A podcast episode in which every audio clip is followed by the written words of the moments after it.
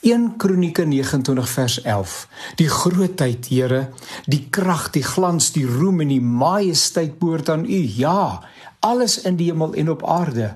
Aan U, Here, behoort die heerskappy. U is bo almal verhewe. Ek sluit aan by gister se vraag, naamlik of ons God regtig kan ken. Die vraag of wat ons van God weet, dalk liewer wat ons dink ons van hom weet, alles is wat daar is om te weet. Uiteraard nee. Hoe kan 'n mens aanspraak maak daarop dat hy God wat die heelal in wording gespreek het, wat alles sedert die begin in stand hou dat iemand 'n mens hom ten volle kan ken?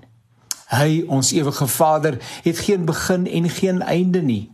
Dit beteken dat aan die ander kant en na beide kante van die Alfa en die Omega gaan God steeds voort. Ondenkbaar, te groot vir 'n mens se gedagte. Ek vra die geagte teoloog nou wie ek gister verwys het aan die einde van ons gesprek wat dit is van God wat hulle tot rus bring. Een antwoord iets spesonders.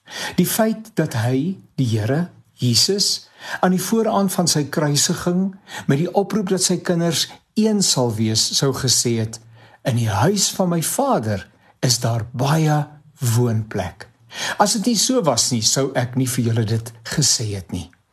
Wat sou dit beteken en waarna sou dit verwys? Dit bring my ewenigs by die slotsom waartoe ek toe geraak het.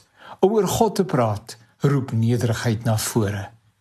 Jy het ook al gehoor dat die ewigheid ons mag verras.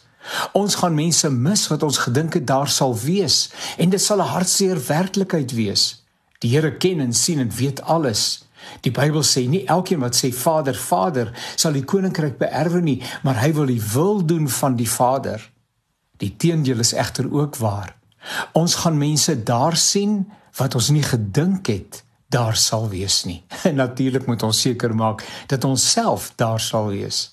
Sou hierdie mense wat ons nie gedink het daar sou wees nie, mense wees vir wie ons by voorbaat uitgesluit het, mense vir wie Jesus gesterf het, mense wat anders dink en doen en selfs glo as ons, maar een of ander tyd self die knie gebuig het voor die majesteit van die hemel, sal ons nie die Here toelaat om Here te wees nie. Immer sy woord is daaroor duidelik. Dit is nie sy wil dat enige mens verlore gaan nie.